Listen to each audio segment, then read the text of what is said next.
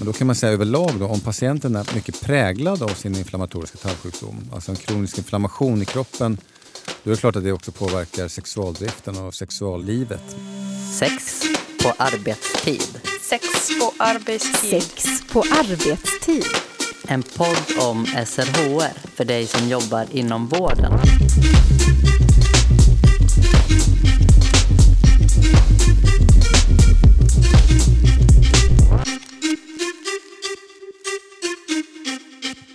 Slicka, pilla, smeka, föra in fingrar eller andra föremål, anala samlag.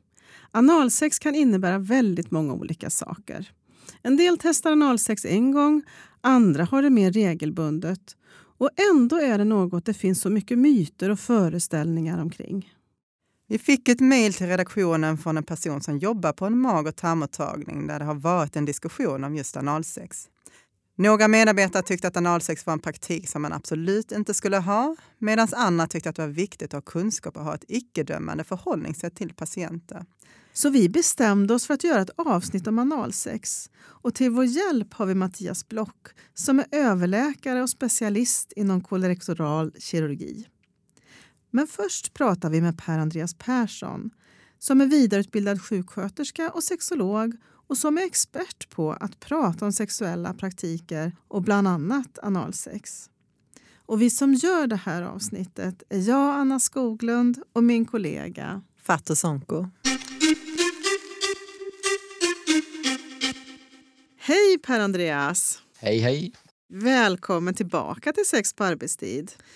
Sen vi startade podden så har det kommit in önskemål om att vi ska göra ett avsnitt med tema analsex, så nu är vi ju här. Men hur kommer det sig, tror du, att just den sexuella praktiken är något som fler vill veta mer om? Ja, alltså analsex är ju stim sexuell stimulering i eller runt anus. Eller, ja, jag brukar säga baken, även om inte alla väljer det uttrycket. Då.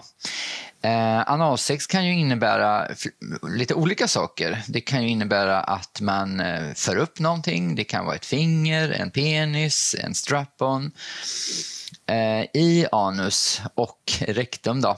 Men det kan ju också vara smekningar, att slicka eller pilla någon kring själva öppningen. Så analsex och analt samlag är alltså inte samma sak egentligen. Och analsex är som du säger någonting som många är nyfikna på men som kanske inte alltid är ett tema som man kan ta upp med vänner eller olika vårdmöten. Det kanske känns lite sådär tabu att prata om. Samtidigt så är det en sexuell praktik som är spännande för många och som kan ge massa njutning. Men vilka frågor är det du brukar få kring analsex när du arbetar med patienter? Mm. Nu träffar jag ju mycket patienter som kommer att testa sig för Eh, STI. -er.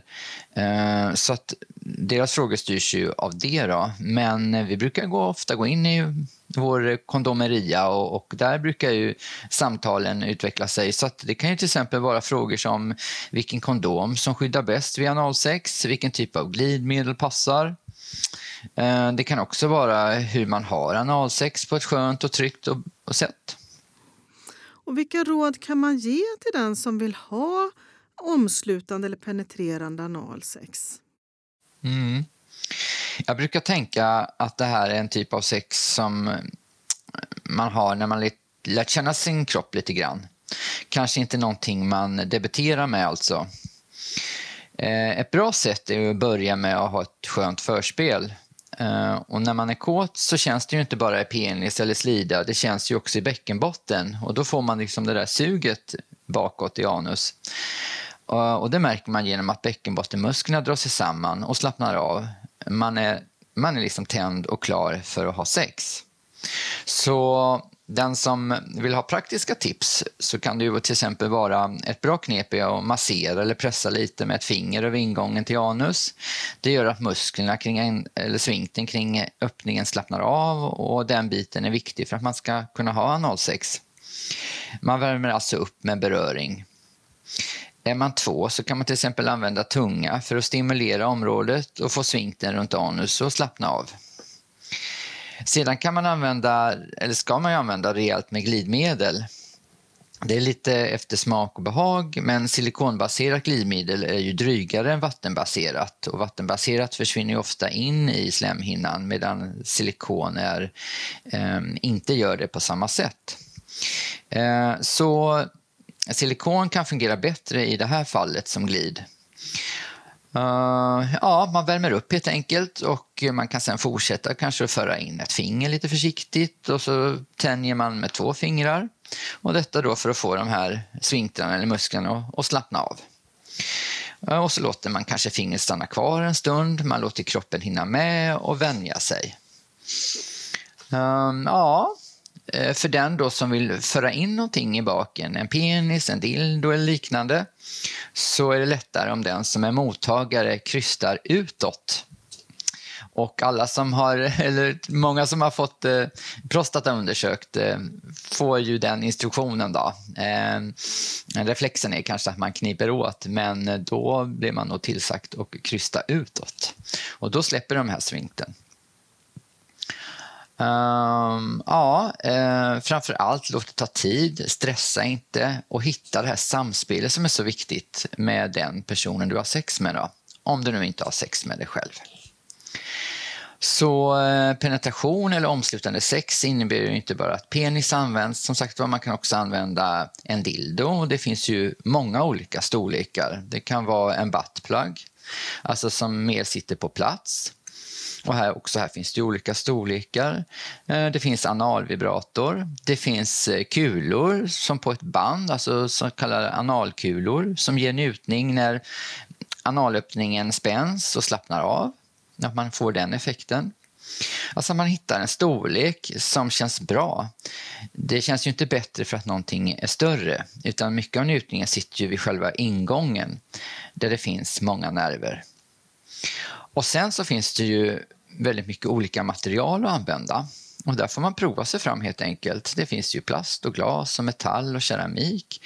Upplevelsen av materialet påverkar också själva sexet. Så man ska hitta någonting som man gillar och tar sig lite tid till det. Använder man till exempel lite mjukare poröst material kan glidmedlet kännas mindre drygt. Och använder man till exempel vattenbaserat eh, glidmedel så kan man ju behöva fylla på allt eftersom. Medan ett lite hårdare material eh, kan ju då glidet stanna kvar på själva utsidan av materialet och man får ett bättre glid av den orsaken. Eh, behöver man rensa kanalen kan man till exempel använda en sån här liten analdusch, alltså ni vet en sån här tub som man använder när man sköljer öronen till exempel, eh, bara större. Sen finns det ju eh, allt ifrån det här till mer avancerad sex och då pratar man till exempel om fisting, det vill säga att man för upp en hand i eh, ändtarmen, rektum på den andra personen. Då. Och här krävs det ju massa vana och trygghet och vissa speciella tekniker för att få till det. Då. Uh, så att uh, det får man väl säga är lite överkurs. Eh, det man kan tänka på är ju att när man för upp ett föremål, om man nu gör det, eh, så ska du ha ett stopp i eh, slut, i änden på föremålet helt enkelt. Så att den inte glider upp och stannar kvar där, för då blir det ju problem, eller kan bli problem att få ut det där igen. Då. Uh, ja, uh, och så ska jag också säga att om man till exempel byter och har sex, om man har en, en dildo till exempel, man använder den i baken uh, så ska den ju tvättas av då om man till exempel använder den sedan i, i slidan så att man inte överför bakterier på det sättet. Och det kan ju skapa problem. Per-Andreas, om du sammanfattar det som du har sagt, liksom, vad, vad, vad, ska vi ta med oss? Vad är det viktiga att komma ihåg? Mm. Nej, men analsex eh, kan ju alltså vara olika saker, så att det är liksom inte en och samma sak. Men när man pratar om det så, så kan det låta på det sättet. Eh, så det kan ju behöva nyanseras vad man faktiskt, vilken typ av praktik man pratar om. Eh, det behöver alltså inte vara så att någonting måste föras in och upp. Mycket av njutningen sitter ju också vid ingången och området runt anus. Där är ju massa nerver. Eh, det här är ju därför en praktik som alla kan ha om man önskar det och vill, men utifrån sina förutsättningar. Känns det obehagligt? Stoppa upp. Men så är det med alla sexuella praktiker. Eh, gör det ont? Eh, börjar det blöda? Känns det obehagligt? ja men då slutar man och så hittar man på någonting annat sätt att ha sex på. Så vikten av att vara lyhörd eh, är någonting också i alla sexuella sammanhang men också speciellt i det här. Jag tänker att det är just det här samspelet och om man har en partner så är det jätteviktigt att man verkligen tar tid, känner efter och att man har en, en liksom god dialog eh, längs vägen så att säga så medan man har sex. Så att det, det känns bra för båda två att man liksom inte pressar in någonting eller att man går för fort fram och sådär. Det här om man pratar kring kondom, vilken kondom skyddar bäst vid analsex? Mm.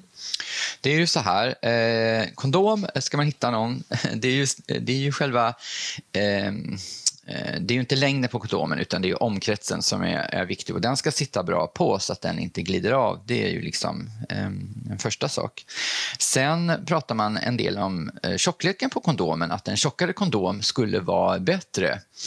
Eh, det kan man diskutera helt enkelt. För det är ju så att alla kondomer som säljs i, på vår marknad i Europa idag har ju det här, de, de är ju testade på samma sätt så att de har ju liksom en, en minsta nivå. Eh, och den ska vara en, en trygg och bra nivå för, för alla typer av sex. Sen så är det ju så att blir det en reva i kondomen så går den ju sönder oavsett storlek. Eh, och, och, så man, det där kan man liksom fundera på men, men många Eh, vill ha en lite tjockare kondom. Och det, det är ju ett, ett, val som man gör. Men, men i utgångspunkt så är det ju så att alla kondomer har genomgått samma standardtest så att säga, som, som säljs på vår marknad. Så att de ska vara, vara trygga att använda oavsett. Vad, vad tänker du Per-Andreas är det viktigaste rådet som när man arbetar inom hälso och sjukvården som man kan ge till en patient som kanske har funderingar kring omslutande analsex? Ja, jag tänker att det viktigaste är ju, vill man ha det här själv? Eh, ger det glädje? Känns det skönt? Eh, ja, men då kan man ju utforska det på olika sätt. Men också att man förstår att när man pratar om analsex så pratar man om lite olika saker och att allting är inte penetration. Och man kan ju ha sex med sig själv eller man kan ha sex med en partner och man kan njuta massa av analsex utan att behöva föra upp någonting. Och då är det ju väldigt tryggt ur många olika synpunkter. Eh, så analsex kan vara väldigt mycket. Tusen tack Per-Andreas.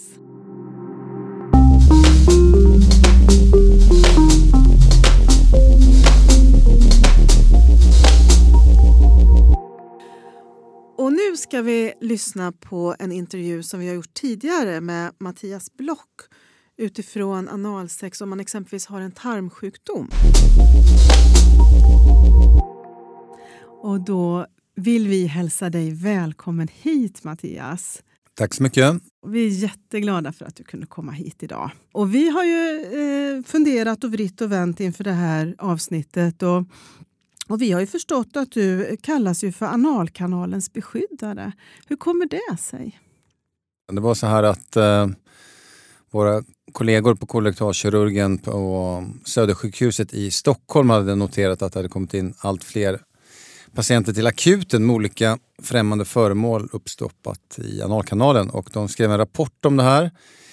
Och då var det en eh, reporter på GP som fångade upp det här och tyckte att eh, reportern ville ha ett Göteborgsperspektiv så då ringde till oss och då fick jag ta den intervjun. Och då blir det ju lätt fnissigt och liksom lite flamsigt kring sånt här, lite effektsökeri. Så jag tänkte att förutom att ha en väldigt seriös och eh, professionell eh, inställning till det här problemet, för det är ett problem i perioder, så vill ändå ha ett epitet där man på något sätt utger sig för att skydda analkanalen och då kom vi på det här. Sen tyckte jag reportern att det var jättebra så då tog de med det. Så det blev, sen blev det en rolig grej som folk har pratat om hit och dit. Men det låter det tryggt ändå att det Eller finns hur? en beskyddare. Mitt superhjältenamn. Liksom. Ja men precis, precis. Och det finns ju mycket föreställningar om just omslutande analsex. Är det farligt till exempel? Men hur ligger det till egentligen?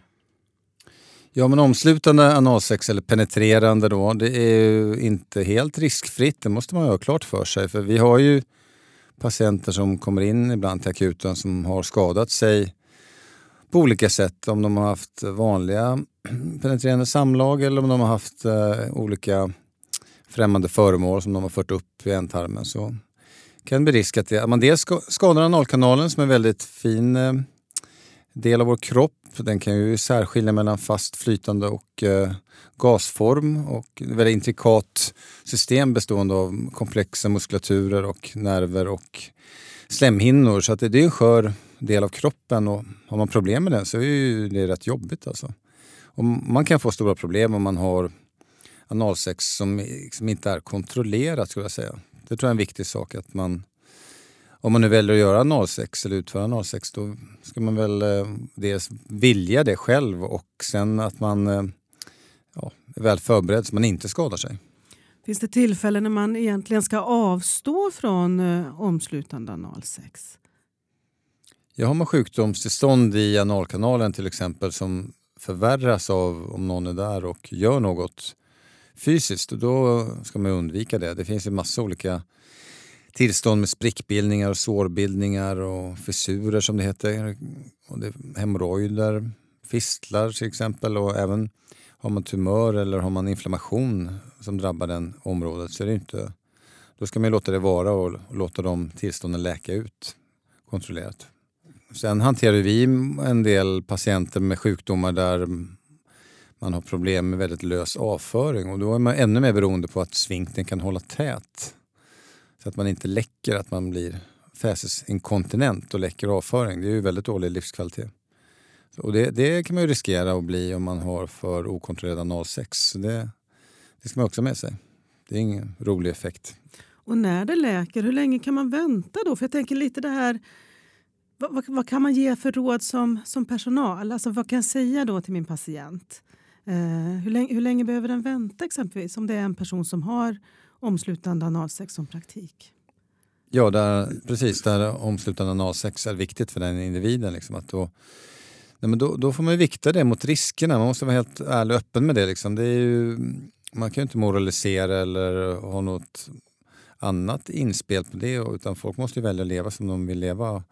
Men att man, om man riskerar att förvärra sitt tillstånd så måste man nog få klar information om det. Att du får göra det här om du vill men det, då riskerar du att få väldigt stora problem sen. Och, då, och det går inte att säga exakt tid utan det, då får man se till att det finns en stabil utläkning av det sjukdomstillståndet man har eventuellt i analen.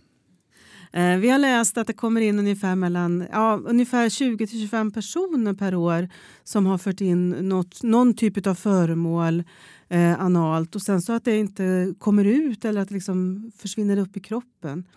Va, va, vad gör man i de lägena? Kan du berätta lite mer om det? Ja, för det första är det här ett väldigt litet problem. Du, det hör du själv 20-25 per år bland, bland alla tusentals akutbesök så är det en väldigt liten artikel. Det är det första. Men sen, ja, alltså yttersta konsekvensen är att man inte får ut det och att det har skadat saker på vägen. Vi har varit med om främmande föremål som har gått rätt igenom tarmväggen då, hamnat i fri bukhåla. Då får man ju blodförgiftning och måste akut opereras. Ofta blir det stomi på sig på magen. Även om det blir tillfälligt så är det högt pris men och ibland kan det bli permanent om man har förstört väldigt mycket av analkanalen till exempel. Så där har vi haft patientfall där vi har tvingats till akuta ingrepp. Med, ja, med stor komplicerad kirurgi med komplikationer, risk för det och eh, vårdtid och ganska långt rehab. Så det är ju väldigt dramatiska konsekvenser. De flesta kan man få ut på ett eller annat sätt. Ibland får man söva patienten för det med men man riskerar att skada saker. Och vi har fått in flera frågor från personer som jobbar med patienter med kronisk tarmsjukdom. Finns det tarmsjukdomar som kan påverka förmågan att analsex? Ja, men det var lite det jag var inne på förut. Då. Förutom eh, eh tumörer som kan drabba både analkanal och eh, ändtarmen då, eh, så finns det inflammation man kan få där. Till exempel ulcerös kolit och Crohns sjukdom som jag jobbar mycket med. De kan ju ha proktiter, det vill säga inflammation i ändtarmen. Och då är den slemhinnan otroligt skör och väldigt eh, eh, stor risk för skador där. Så där skulle jag verkligen undvika det. Man kan också få fistlar, alltså gångar från, från analen och ändtarmen ut till huden med varbildningar. Och då, då är det inte lämpligt att ha någon sexuell aktivitet i det området. Och just då tror jag inte man är så jätteupplagd för det heller. Nej, för hur påverkas den sexuella hälsan av just de här inflammatoriska tarmsjukdomarna? Ja, det, är, det är en oerhört komplex fråga. Och då, vi har ju tittat mycket på det, framförallt i förhållande till operation. Eh, men då kan man säga överlag då, om patienten är mycket präglad av sin inflammatoriska tarmsjukdom, alltså en kronisk inflammation i kroppen, då är det klart att det också påverkar sexualdriften och sexuallivet. Men om man däremot eh, kan få ner aktivitetsnivån av sjukdomen på en rimlig nivå, då, då påverkas det inte. Och vi har märkt att vissa patienter som har levt väldigt dåligt liv med sin inflammerade tarm och blir opererade, de får ju en bättre sexuell funktion efter det. Även om det finns mycket som man kan ställa till med som kirurg när man opererar som kan påverka sexualfunktionen så har man visat det. det patienter som är unga då, som opererat för IBD, de, de blir oftare gravida snabbare efter operation. Då. Vid vissa operationer kan det påverka förmågan till till exempel erektion och kanske även lubrikation. Vad görs för att minska konsekvenserna och eventuella uppkomsten av besvär?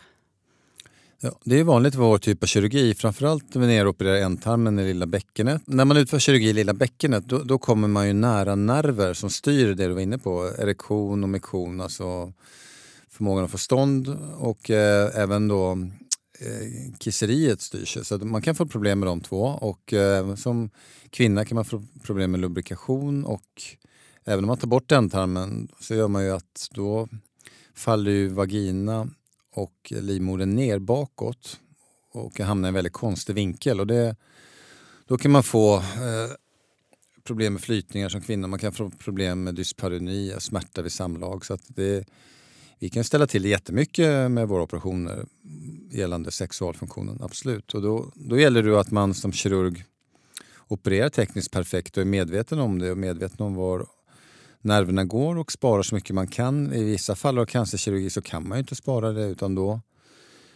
viktar man in det och måste informera patienten att här är en jättestor risk att eh, du kanske blir impotent efter ingreppet. Eller, och ibland måste vi ta bort massa tillhörande organ och då, då är det verkligen så att man premierar liv för funktion. Det kan ju till och med hända att man ger patienten dubbla stomier. Man måste ta bort urinblåsan och prostata tillsammans med ändtarmen om det är en cancer som växer över. Så då, då får det väldiga konsekvenser. Men då, då, gäller det att informera patienten jättemycket innan operationen att eh, det enda sättet att få bort allting är att göra de här jättestora ingreppen. Hur ser er kontakt ut med patienter sen över tid? För jag tänker många gånger när det handlar om liv och död så, så, så är man ju medveten om det både som personal naturligtvis och som patient att jag, jag, jag vill leva. Det, det, är de här konsekvenserna som kommer att bli. Men jag tänker sen när man överlever och livet rullar på, vad kan man få för hjälp och stöd då? Det är en jättebra fråga och det där har vi historiskt varit ganska dåliga på, tycker jag, eller tycker vi själva. Och det kommer ju mer och mer, just det du är inne på med PROM och PREM, alltså patientrelaterade utfallsmått. Även om man överlever, då, hur bra är livskvaliteten? Och det är mycket fokus på det nu. Och och då är sexualfunktionen en, viktig del av det såklart. Så det, det, vi jobbar ju mer och mer konsekvent och mer och mer strukturerat med att mäta det och, eh, och forska kring det liksom, och följa upp det bättre. Och många studier inriktar sig mer. Förut var det mer hardcore, så 1 och 0, överlever man eller inte och cancerspecifik överlevnad. Och nu är det mycket mer eh, livskvalitet i fokus då, och patientupplevelser. Det, det är ju väldigt viktigt alltså, för att en del får betala ett väldigt högt pris för sin canceröverlevnad till exempel. Du nämnde innan eh, stomi till exempel. Och om man eh, behöver ha stomi eller fått stomi, kan man ens ha omslutande analsex efter det? Ja, om man har kvar sin analkanal kan man det. Det finns ju väldigt många olika typer av stomier på olika nivåer. Och en del har stomier på tunntarmsnivå, andra på tjocktarm. Det är klart, om man tar bort hela ändtarmen och ehm, eh, även analkanalen ser ihop, då är det klart, då har man stängt det. Då har man inget anus kvar, utan då har man ett R istället tillbaka. Så då går det ju inte. Men om man har kvar hela sin eh, analkanal och hela ändtarmen, då har man möjlighet att göra det. Absolut. Har ni någon, någon av era, eller kopplat till er klinik, någon som man kan rådgöra kring jag tänker det här om man behöver kanske hitta andra sexuella praktiker istället. Man behöver kanske prata med någon. Eller vart hänvisar ni vidare? Eh, vi har haft historiskt ganska dåligt med sådana resurser. Nu har vi en bra bäckenbottenenhet, funktionsenhet på Sahlgrenska som drivs av en gynekolog som heter Karin Bergmark som också handlägger våra patienter. Då. Så för att förutom operation så kan man också få dåliga funktioner för strålning med torra slemhinnor både vaginalt och analt och, och som kan också påverka sexualfunktion mycket. Så där har vi ändå goda resurser. Vi, vi har stomiterapeuter som kan hjälpa till mycket som också har eh, bra insikt i de här problemen. Men eh, ja, det finns alltid saker att vässa i den verksamheten tänker jag. Det finns, där kan vi bli mycket bättre. Men det låter som vikten av att man är ett team ändå som finns runt patienten. Ja, det, ja, det, det, är verkligen oerhört viktigt. Det här är ett lagspel. Det är liksom inte en person som hjälper att bota patienten. Det är ett team hela vägen och det är oerhört viktigt. Hur pratar du och dina kollegor med era patienter om den sexuella hälsan och sexuell praktik? Jag tänker, vem tar bollen eller vem kan man fråga? Jag tycker att eh, vi pratar mer och mer och bättre och bättre om det. Mm, även där har vi nog historiskt varit lite dåliga men eh, det beror på också om man jobbar med eh, unga patienter som jag gör med IBD, med inflammatorisk tarmsjukdom. De, är ofta, de opererar vi ofta i 25, 30, 35 års åldern. De är ofta mitt emellan partner eller i relation, barnaskaffande ålder. Så där är ju sexualfunktion, fertilitet och fekundabilitet jätteviktigt och det tar man upp som en helt naturlig del av eh, konsultationen inför kirurgi. Att det här, man riskerar det här och det här. Vi har ganska bra siffror på allting egentligen. Och en del väljer ju faktiskt att anstå med vissa operationer just för att kunna skaffa barn till exempel. Eh, när det gäller cancer så är det en lite annan målgrupp men där ska man ju vara jätteförsiktig med att vara fördomsfull. Det finns ju många patienter 70 plus som har ett aktivt sexliv. Ibland tänker man att det är kanske inte så viktigt men det, man ska akta sig för att vara fördomsfull. Och där har vi blivit bättre och bättre och där kanske vi inte tar upp det oerhört mycket direkt i första kontakten. Då är det väldigt mycket fokus på just cancer men förhoppningsvis tar vi det då. Om inte då så snart. Så att man som patient är medveten om att det kan få på, påverkan. Skulle man kunna säga att ni tar upp det med alla patienter egentligen oavsett ålder?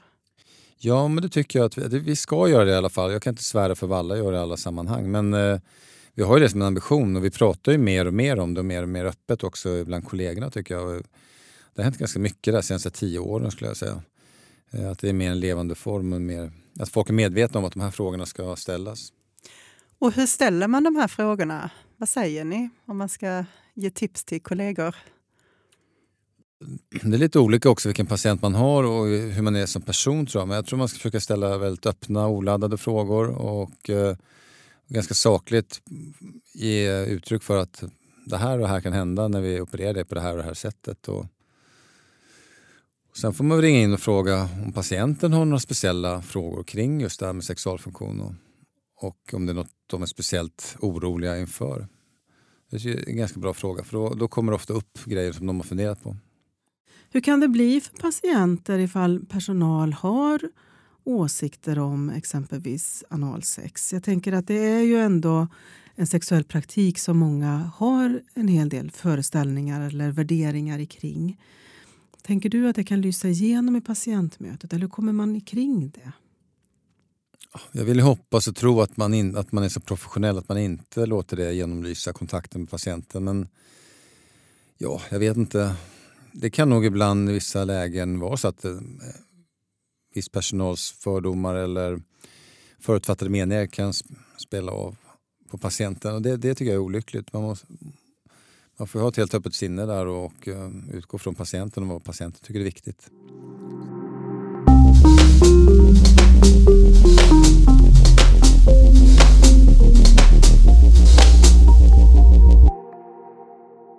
I Sverige så vaccineras ju nu alla barn mot HPV och får vaccin mot det.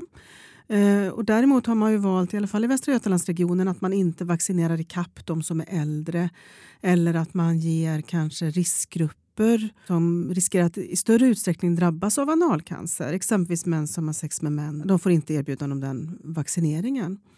Hur kan vi tänka där? Eh, Ska vi tänka att det egentligen vore bra att alla vaccineras mot HPV för att minska risken för analcancer? Eller? Ja, men det tycker jag nog att man bör tänka. För att, alltså man ser ju till exempel i USA så ökar ju incidensen av analcancer jättemycket och framförallt bland unga människor.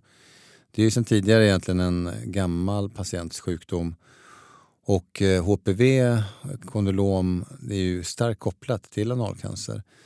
Så det tycker jag definitivt man ska göra. För analcancer är ju en ganska besvärlig sjukdom där, och där är första boten onkologisk behandling med cellgifter och strålning. Men vi opererar ju de som inte svarar på behandling eller som får återfall och det är ofta oerhört stora, svåra, komplicerade ingrepp som är väldigt eh, morbiditetsskapande för patienterna. Så kan man nå det med en ganska enkel åtgärd som ändå vaccin får anses vara så tycker jag man ska göra det. Alltså, och det där skulle vi kunna bli mer aktiva egentligen som eh, profession och eh, påtala det. För det, ett tag var det inte så att killar fick det heller utan det var ju först tjejer från början. Så det är jättebra att man, eh, att man inte könsdiskriminerar där. Men att man, och särskilt riskgrupper som du var inne på, skulle säkert tycker jag man ska driva det, att de ska ha det också.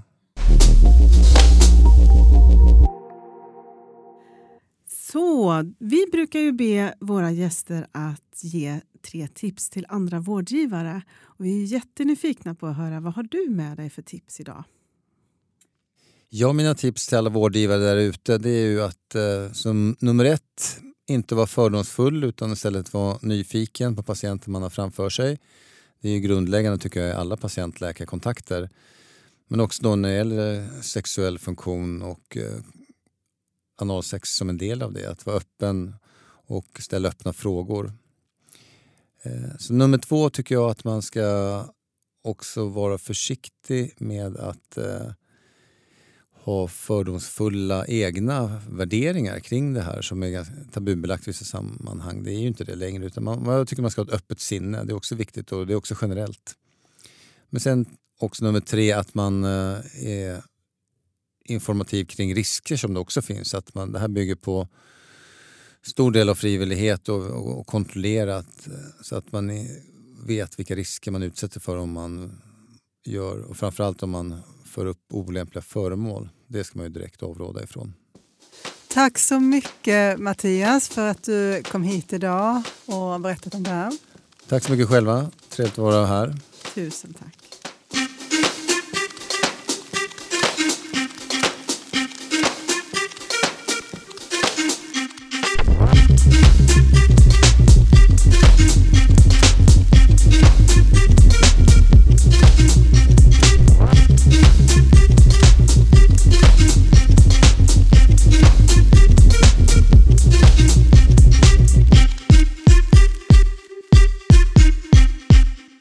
Hört Sex på arbetstid, en podd som görs av Kunskapscentrum för sexuell hälsa, en del av Västra Götalandsregionen.